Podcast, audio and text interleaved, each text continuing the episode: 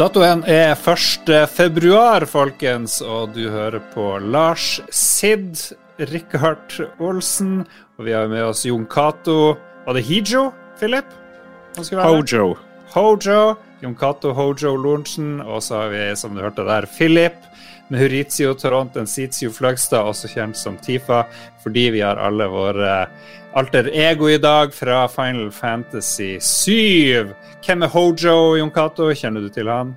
Er det, han, er det sånn kallenavn på han Barrett?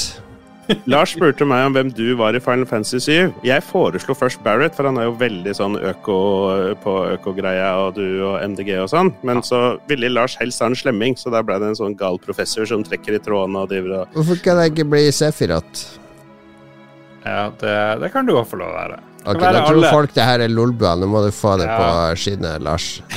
Du hører, ikke på Lolbua, men Spillrevyen. Og vi tar jo for oss eh, de tingene vi syns er spennende i uka som gikk, med litt modifikasjoner. Og vi går bare én dag tilbake i tid, fordi denne uka her, på mandag 31. januar, så er det 25 år siden Final Fantasy 7 kom ut i Japan. Og da tenkte vi, hvem er den vi kjenner som vet mest om Final Fantasy 7? Jo, det gikk veldig kort rett over gata til vår kompis Philip, som er en fast uh, irregulær del av lolboa Lolbua. Velkommen, Philip. Tusen takk, veldig hyggelig. Får jo ikke lov til å snakke nok om Final Fantasy i den vanlige Lolbua, så det er godt å få litt Ja. eh, ut, utbrudd for det nå. Ja. Hva er dine første minner fra det her eh, spillet? Final Fantasy 7 står veldig spesielt hos meg, nok fordi eh, de mine første minner med det var fra jeg var tolv år, og jeg fikk spillet til jul. Og når du er Jeg tipper det er veldig mange som har blitt veldig bergtatt av spill rundt den alderen. Og Final Fantasy 7 kom inn fra siden. Jeg kjente ikke til serien eller noe ting fra før. Og så plutselig så var jeg kasta inn i en verden med slemminger og snille folk, og noen midt imellom, og systemer og eh, ting jeg måtte lære meg. Jeg hadde jo spilt TV-spill lenge, men det var jo for det meste hoppe på gombaer og den type greier. Samle ringer i Sonic. Og Final Fantasy 7 er en helt, eh, var for en tolvåring på den tida en eh, helt eh, ny, unik spilleopplevelse. Og det har holdt seg, den interessen, veldig lenge. Du har streama spillet i 24 timer. Du driver og nevner det veldig ofte og er vår husekspert på alt som har med Final Fantasy 7. Men det er jo mange som har et spesielt forhold til det. Jeg husker du, Jon Cato, du drev jo og lærte deg japansk. Eh, ene og alene, virka det som, for å kunne spille Final Fantasy 7 før det kom til Vesten, og da måtte spille en japansk kopi. Ja, jeg hadde Jeg jobba på Akersvik på denne tida, og Final Fantasy 7 var jo noe av det hotteste på PlayStation. Godt hjulpet av litt sånne her, eh, coverdisker på, på spillblader og sånn, der du hadde en sånn demo som begynte med den der FMV-en over byen, der du zoomer ned på, på jernbanen, og det var jo en eh, det var en revolusjon for mange, fordi det var, for det første så var det et spill som mange av de gamerne på PlayStation, eller gamere generelt, ikke kjente den type sjanger. Og for det andre så var det en sånn fremtidsby med, med økoterrorisme. Det var liksom Extinction Rebellion med, med, som sprenger bomber i byen for å, for å slåss mot industrien. Eh, så det var veldig sånn tematisk var, Jeg tror det at det var en sånn future setting, og ikke en sånn her eh, tradisjonell eh, konge i et eller annet slott i en grønn skog og fantasy og Tolkien, det gjorde at folk ble ekstra nysgjerrig på det. For vi må huske at Tolkien og fantasy-sjangeren eh, det var ikke noe, Ringenes, Før Ringenes herre-filmene kom, så var jo fantasy veldig, veldig undergrunnsnisje. eh, Dungeons and Dragons. Ja, Så det at det var sci-fi, skilte seg ut, gjorde det. Det at det var PlayStation og Square Enix, som hadde vært i alle år på Super Nintendo Eller det var bare Square på denne tida. eh, De gikk over til konkurrenten PlayStation. Det var liksom uh, I Japan i hvert fall så var jo det tilsvarer jo det Activision-oppkjøpet til eh, Microsoft nå nylig. Altså det var en posisjonering av en gigantaktør til en ny konkurrerende plattform. Altså Det var så mye eh, historie rundt Final Fantasy 7 og, og mulighetene på PlayStation på tre disker og FMV og eh, måten å fortelle historier på og alt, at det bergtok veldig, veldig mange. Og gjennombruddet for eh, JRPGs i Vesten, rett og slett. Ja. Ja, og ehm, som Jon Cato nevnte, at han som jobba i Akersmik, og skjønte jo at dette var en skikkelig big deal med Final Fantasy 7. Og det har nok litt, litt av grunnen til det er nok at eh, eh, budsjettet for markedsføring var dobbelt så stort som budsjettet for å utvikle spillet. Eh, det ble lagt mye penger og så hardt på alle trommene for dette, dette, spillet. Ja, og det ble markedsført internasjonalt, fordi det som var utfordringa på Super Nintendo, det var jo at Nintendo satt på produksjon av eh, kassetter, og disse var regionsinndelte kassetter, så at eh, selv om det kom masse JRPGs på Super Nintendo, veldig få av de kom i Vesten. Altså Noen kom i USA i svært begrensa opplegg, uten noe særlig markedsføring i det hele tatt tatt. Nesten ingen kom til Europa. Mens på PlayStation, med relativt billig produksjons uh, Altså produ produksjon av spill, fysiske kopier av spill, og relativt enkle regionsperrer Du trengte ikke et helt fysisk ny type Fysisk nytt spill for å, for å, lage til en ny region. Det var jo bare å trykke en plate som kosta en slikk og ingenting. Så lansertes det over hele verden, og ble dermed på en måte det første JRPG-spillet som virkelig hadde en global et globalt publikum. Det kom jo etter hvert en remake. Det tok jo forferdelig lang tid før eh, det kom, og jeg tenkte her er fallhøyden stor. Fins det nok folk som har lyst til å spille Final Fantasy 7 på nytt? Men det ser ut som svaret var ja, for de driver jo og sier nå at nå kommer det enda mer. Philip, hva er det som gjør at spillet fremdeles er aktuelt hos mange? Er det kun nostalgi? Kan det ha noe med eh, miljøterrorisme å gjøre? Hva er det som gjør at folk eh, føler at dette er noe de vil bruke mer tid på?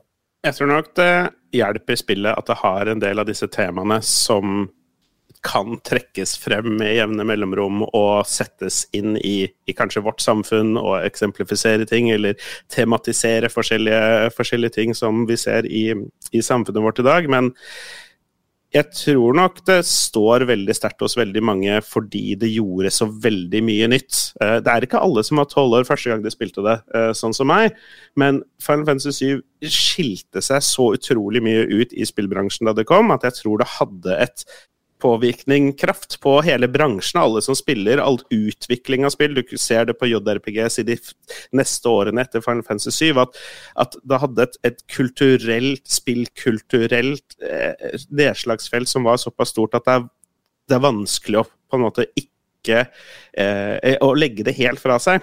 Um, Designet er jo liksom ikonisk. Jeg, jeg, tipper det er veldig mange som aldri har fullført spillet, som ville kjent igjen Buster Sword, dette sverdet til Cloud. Det er, fordi det bare er designa på en veldig spesifikk måte. og eh, jeg tror at alle disse tingene her gjør at det står veldig sterkt hos mange, og da er enkelt å trekke opp igjen senere. Og så må det jo innrømmes at Square, Square Enix har jo en liten sånn rød boks uh, in case of emergency, break this, og så er det bare å pumpe et eller annet med Final Fantasy 7-logoen på, og så er det masse folk som kjøper det, meg inkludert. Uansett hva det er. Så ja, det hjelper jo litt, det òg. Hvordan ser fremtida til Final Fantasy 7 ut? Kommer det til å gå 30 år med, etter denne bølgen her, og så tilbake med Final Fantasy igjen? Ja, nå er det jo ja, jeg tror de kommer til å fortsette å melke det sånn som Philip sier, og, og det er jo ikke Jeg prøvde å tenke, for jeg har jo også spilt Final Fantasy 8, 9, 10 og 12 og 13. Jeg klarer ikke å komme på hva er temaet i de spillene. Hva er viktige visuelle referansepunkter i de spillene. Det er et, par ting, men det, det, er ingen av de Altså Final Fantasy 7 makter det å fortelle en, en fantasy sci-fi-historie som føles forankra i vår kultur. Husker at jeg kom i 90 Hva var det, 97? Uh, altså Rett før Y2K, det var sånn cyberpunk, det var internett var noe nytt. Altså Fremtida sto og banka på. Så det tar mange av disse følelsene på alvor. Denne frykten for fremtida, det ukjente og industrien og alt sånn. Så det føltes relevant, selv om vi kanskje ikke tenkte på det som 12-åring eller 14-åring eller 20-åring som spilte det første gang og ble bergtatt. Men det, det, er, det er viktig. Altså dette Uh, denne uh, feberfantasien fra, fra, en del sånne der spill Gamergate-fantaster om at spill og politikk og samtid ikke hører sammen, men det gjør det. Og det, spillene blir sterkere av at de faktisk reflekterer samtiden. Og det har Final Fantasy 7 gjort, og det føles fortsatt relevant, de temaene det tar opp. Økoterrorisme, mer relevant enn noen gang.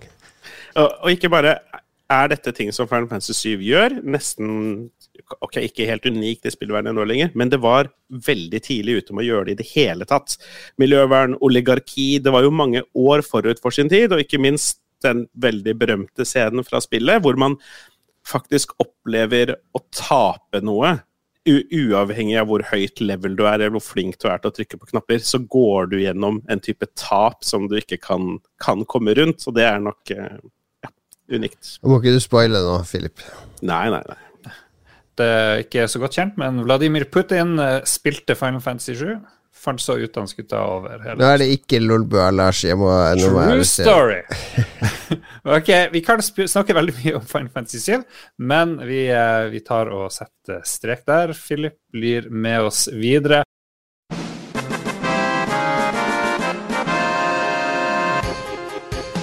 Vi skal fortsatt være i Japan, fordi Sega legger ned sin arkadevirksomhet. Det er nå selskapet Genda som tar over eierskapet etter at de i 2020 kjøpte 85% av aksjene i Segas arkadehaller.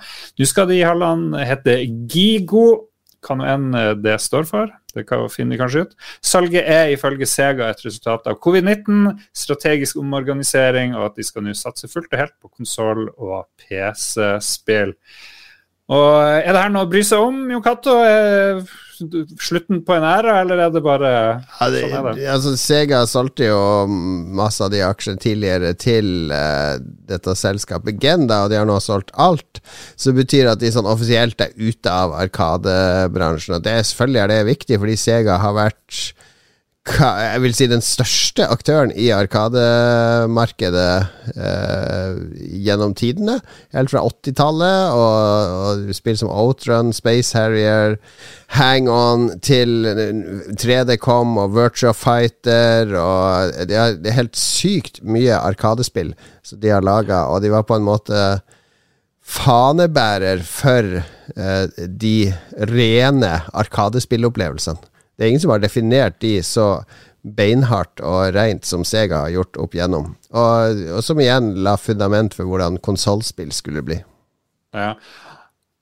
Arkadehaller hadde vel kanskje en annen rolle i Norge. Ja, du Jon Cato vokste opp i Harstad på mange måter, men vi hadde jo noen arkader her òg. Ja da, vi hadde ja, Det jeg glemte å si i sted òg, at Sega starta jo i 1961. Det står jo for Service Games, så de starta jo som en slags uh, distributør og verksted og, og uh, utgiver av arkademaskiner, altså kabinetter, flipperspill, penger, sånn kronespill, til amerikanske soldater stasjonert i utlandet. Så det ble starta på Hawaii. Uh, så det har jo vært i deres sjel, dette med arkadekabinetter, helt siden starten. Så det er en veldig dramatisk uh, overgang for de. Men jo da, i Harstad vi hadde American Chicken and Burger. De hadde fantastisk uh, arkadehall på bakrommet helt fra slutten av 70-tallet og frem til midten av 80-tallet, og så dabba det hen. I Oslo så er det vel mange som var i Oslo på slutten av 80- eller starten av 90-tallet som husker Ra 4, eller Roald Amundsens Gate 4, som det egentlig sto for, i kjelleren på Malix, rett ved Klingenberg kino. Uh, og nå i dag så har vi jo selvfølgelig Tilt, kjelleren på Tilt, som er uh, kanskje en av de flotteste arkadehallopplevelsene man kan ha, for nå snakker vi om en arkadehall som ikke er fylt av uh, fett fra burgere, og der sigarettrøyken ikke ligger Altså Arkadekabinett i gamle dager var full av sigarettmerker og snus og dritt. Det var ganske skitne, shabby steder, men nå er det blitt mer eh, kultur, kulturarena, vil jeg si, til Kjelleren her. Ja. Hvor viktig var Arkadehallen for deg, Philip?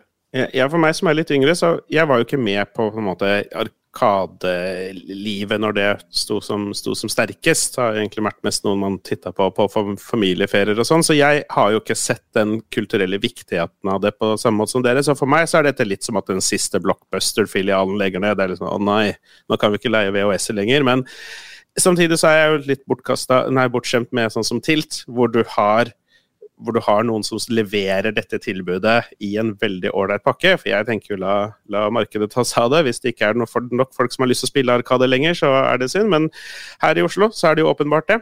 Uh, og uavhengig av hva jeg syns om arkadespilling, så syns jeg det er veldig ålreit at det er flere sterke aktører i spillbransjen, og at Sega nok kanskje mister noe posisjon med, eh, med å selge seg helt ut av arkaden, eh, arkadebusinessen. Det kan, eh, kan kanskje hende, men jeg får bare krysse fingra på at da satsingen på konsoll og spillutvikling blir, blir bedre.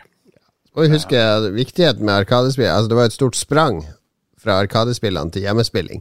Det var veldig stor forskjell på et spill på en hjemmedatamaskin eller en konsoll og arkadeversjonen av spillet. Du spilte alltid en ganske nedstripp primitiv versjon, og spesielt på Commodore 64 og uh, Spektrum og de gamle altså, Prøv å spille Outrun på ZX Spektrum. Ja, det er en port av Arkademaskin. Nei, det er nesten ikke gjenkjennbart. Så det sprang Arkadehallen var jo stedet der du så fremtida. Det var det som var så viktig når du var ung på 80-tallet eller 90-tallet, at du gikk inn der, og så så du Sånn kommer dataspillene en gang til å bli om tre, fire, fem år. Mm. Og når PlayStation og sånn kom, og Namco begynte å bruke arkadekabinett, altså kretskort i arkadekabinetter som var ganske lik PlayStation 1-arkitekturen, uh, så ble den forskjellen plutselig mindre. Og så, når 3D-kort og, og, og, mye kraft på PC og konsoller, så gikk de forbi Arkaden. Og da gikk Arkade over til å bli mer uh, en sånn tivoliopplevelse. Altså et sted der du gikk for å, for å, skyte med en diger gunner som var montert til eh, arkadekabinettet, eller sitte i en eller annen kasse som rister og ro med en åre, eller noe sånt. Altså det ble, ble litt sånn der uh, tivoli, i stedet for å bli de toneangivende når det gjelder den tekniske kvaliteten på det du ser på skjermen. Jeg kan nevne at jeg alltid trodde at grunnen til at Arkademaskinene hadde så utrolig bra grafikk, var jo fordi det var kjempestore maskiner. Det var sikkert fylt med teknologi fra topp til bunn, og så ble jeg veldig skuffa når jeg skjønte at det var liksom ja, én liten plate. Ja. Jeg driver, driver har litt sånn nostalgi. Jeg er jo nostalgiens eh, forkjemper i, i Lolbua spillrevyen-systemet. Jeg husker jo da, da man bodde i Nord-Norge, og jeg bodde jo oppe i Finnmark og store deler av livet, og der var det i hvert fall ikke en Arkade. Så hvis man dro på ferie til England eller rundt omkring, kom inn i de her svære Arkadehallene, herre jemini, for en, et inntrykk det ga. Så når vi dro på ferie, jeg ville jo bare holde på med sånt. Så jeg fikk tidlig vist at jeg var en nerd. Ville sitte inne, dra til tivoli, droppe berg-og-dal-bane. Jeg vil inn i det der mørke rommet med alle de her eh, skjetne arkademaskinene. Oh, yes. Det var livet da var man ung. Og da Bergstrøm tivoli, eller hva det het, kom til Harstad, mm. med det der teltet fullt av shabby arkademaskiner, det var der man levde livet. All right. Hvis vi skal eh, tenke oss litt om, så hører vel noen av de her arkademaskinene hjemme på museum, som det heter i Indiana Jones. Og vi kan hoppe rett over til museum, fordi til sommeren så åpner en ny utstilling på Nasjonalmuseet som heter Skjermtid. Og den tar for seg design på skjerm. Her får du alt fra TV-vignetter til nettsider og dataspill for et eget segment. Eh, kan vi lese ulike steder, bl.a. har NRK P2 og spillhistorie.no eh, referert det her. Og et spill som trekkes frem, det er Mørkredd fra Hyper Games. Og vi har hatt så mye besøk av Hyper Games og Are Sundnes at jeg tenker de kan få lov å stå over denne gangen. Men vi må i hvert fall registrere at nå er dataspill i eh, det gode selskap. Det er vel på sin plass, Jon Cato? Jeg syns det er flott, selvfølgelig. Altså, dette museet er jo det store nye som uh, har vært bygd i Oslo de siste årene, nede ved Aker Brygge. Uh, og en etterlengta åpning for mange i Oslo. Jeg gikk faktisk forbi det i går senest når jeg var ute med familien, og da får vi og sjekka når det åpna. Uh, det er et gigantisk museum, og det at dataspill har fått en plass, er bra. Det, har liksom vært to typer sånn utstilling før. Det ene er på en måte sånn som Teknisk museum hadde, med Game On-utstillinga, som egentlig bare er det, en container full av gamle spill som du setter opp, og så har det en litt sånn historisk kontekst i de. Veldig kul, da. Uh, se gamle Pong-maskiner og sånne ting. Og så har du en annen som går litt mer på design og industri Eller hva heter det? Eh, et industrimuseum i Bergen, husker jeg, hadde en sånn utstilling jeg skrev en reportasje om en gang. Og det de ofte gjør da, som de bommer litt på, er at de stiller ut concept art fra spillene. Eh, eh bilder og concept art av spillverdener og sånn. Det er, å, det, er jo lett å tenke at det er kunsten. Ja, fordi det er den kunsten de museumskuratorene skjønner og forstår. Så vi Den kan stille ut de eh, lyd og bilde fra spill, det kan vi forstå, og så mangler du den interaktiviteten. Altså det er det jeg håper at Nasjonalmuseet klarer å ivareta, den interaktiviteten. Og det finnes masse kunstnere òg som har eksperimentert med å lage eh, interaktiv kunst som krysser over til å bli på en måte dataspillopplevelser. Ofte er de ikke veldig gode for oss som er kjent med dataspill eh, som, som eh, kulturform, men eh, jeg er mer interessert i den type utstilling som krever deltakelse av meg som publikum, enn at de har printa ut konseptarten til Mørkredd og sagt at se så slående og vakkert en spillverden kan være. Da hører dere det. Nasjonalmuseet. Til slutt, siste nytt. Etter å ha avlyst The Gathering i fjor, så har arrangørene i Kan du bestemt at årets eh, The Gathering gjennomføres digitalt i stedet for i Vikingskipet i eller på Hamar. Dette pga. covid-19. Arrangementet er blitt holdt i påska hvert år siden 1992, da demogruppa Crusaders sto bak arrangementet. Eh, Og siden 96 så var det Kan du som har eh, Det er ingen tatt som seg av sier det. 'kan du', Lars. Det heter 'kan du'. Sånn er det her i Harstad. Da sier vi kan du. Kreativt, eh, kreativ, aktiv norsk dataungdom, tror jeg det står for. Såkalt kan du. Nei, det, det som skjedde, var vel at Crusaders ble utfordra. De dissa et eller annet arrangement i 91, og så ble det sånn her Ja, gjør bedre sjøl, da. Og da lagde de Gathering, som ble en kjempesuksess. Og i fire, tre, tre eller fire år arrangerte Crusaders Gathering. Eh, altså orka ikke de mer. Altså Crusaders, for de som ikke kjenner, det er en gammel norsk demogruppe, eh, kjent fra Amiga. Og Kandu ble vel egentlig oppretta for å drive med The Gathering, så, så det, det er jo det som har vært liksom eh, ryggmargen til hele organisasjonen. I fjor ble ramma av covid, så de gjennomførte det digitalt. Eh, det vil si at hvis du har kjøpt billett, så får du tilbud om refusjon, eller får utsatt til neste år. For de aller fleste som vil på gathering, de vil nok eh, møtes fysisk. Det blir jo ikke helt det samme å sitte hjemme i påsken på det samme promperommet som du sitter eh, 360 dager ellers i året. Jeg husker jeg hadde veldig lyst til å dra på The Gathering eh, back in the days. Satt med min Amiga hjemme, drømte om eh, Tenk å sitte med 1000 andre nerder. og det, var jo, det jeg hadde mest lyst til, det var jo å kopiere demoer og spill. Det var jo det det opprinnelig var, var jo et stort copy-party. Jeg var jo med å arrangere eh, ikke The Gathering, men et datatreff. Eh, Det het copy-party, så la oss bare kalle det Vi arrangerte et copy-party i Arendal i 1989 sammen med Amiga-gruppa Rawhead og Imp666, som var min Amiga. Vi reiste fra Harstad, en hel gjeng og hadde en, eh, en gymsal og en skole eh, en hel helg, der folk lå og sov i et bomberom, og eh, det var ingen voksne som hadde styring. Det var bare vi ungdommer som styrte alt. Filmrom der man så Elsa-kopier av nye filmer og grove voldsfilmer som ikke var lov i Norge. Det var uh, kriging med soveposer. Det var rent frislipp av ungdommer som tok over en skole en helg og gjorde akkurat hva de ville. Kopierte over en lav sko.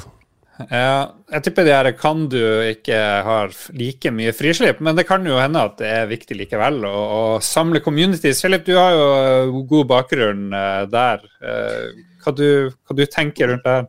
Jeg har jo vært, eh, vært aktiv i spillegal.no i en del år, og det å drive og være en del av et community på nett, det er veldig artig.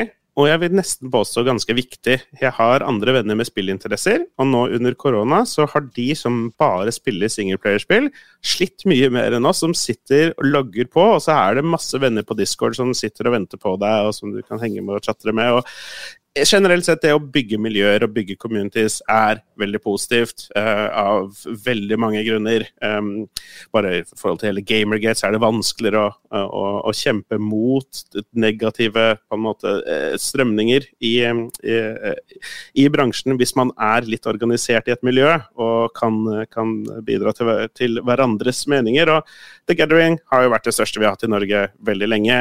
Har vært veldig viktig for veldig mange, og jeg ser at de lover å stelle i stand god stemning for alle deltakere og kjøre et kjempeålreit digitalt eh, event. Og jeg har inntrykk av at de, de, to siste årene hvor det har vært digitale event, så har det vært store suksesser. Så vi får nesten bare satse på at dette blir det største og beste, og forhåpentligvis siste digitale The Gathering på en stund. All right. Vi ønsker Digital Gathering lykke til. Og så har vi bare igjen egentlig å gå gjennom spillene som er på tur ut denne uka. Og det er bare én utgivelse vi har funnet frem her, Jon Cato. Ja, det er jevnt og trutt med spill som kommer nå, med kanskje ikke en overflod av spill, men det som nok får mest oppmerksomhet denne uka Nå er det litt sånn stille for stormen. For det kommer mange storspill i februar, så det er bare å glede seg. Men først ut i februar så er det et spill fra um, polske Techland som heter Dying Light 2. Stay Human. Og for de som ikke kjenner Dying Light 1, det er på en måte et sånn parkour Førstepersons parkour action-zombiespill i en åpen verden. Eh, litt sånn eh, eh, Hva skal jeg si Rett under trippel A i kvalitet, men med nok kvaliteter i spillet til at det fikk en stor following. Dying Light 2 er liksom mer av det samme og gigasvært. utviklerne har vel vært ute og sagt at det tar 500 timer å gjøre alt som kan gjøres i spillet, som har fått noen til å si det er altfor mye, ikke gi så mye. Så det, kan, kan ikke, det, det, er umulig å please spillpublikum i dag. Det er aldri, aldri bra nok. Enten er det for mye eller for lite, eller whatever. Men det frister litt med litt zombie uh, open world-spill uh, akkurat nå. For min del, så jeg skal ikke se bort fra at jeg sjekker det ut mens jeg venter på andre ting. Har ikke dette blitt utsatt en haug med ganger? Jo, men det har vel alle spill, Philip. Ja, ok, da. Da sier vi tusen takk for at du hørte på oss. Vi samarbeider med pressfire.no. Vi er en undergruppe av Lolbua hvor det finnes flere podkaster. Hør på Rage uh, Quit, og hør på Lyks univers med gjedda, og hør på Lolbua. Og så høres vi om en uke. Ha det bra, alle sammen!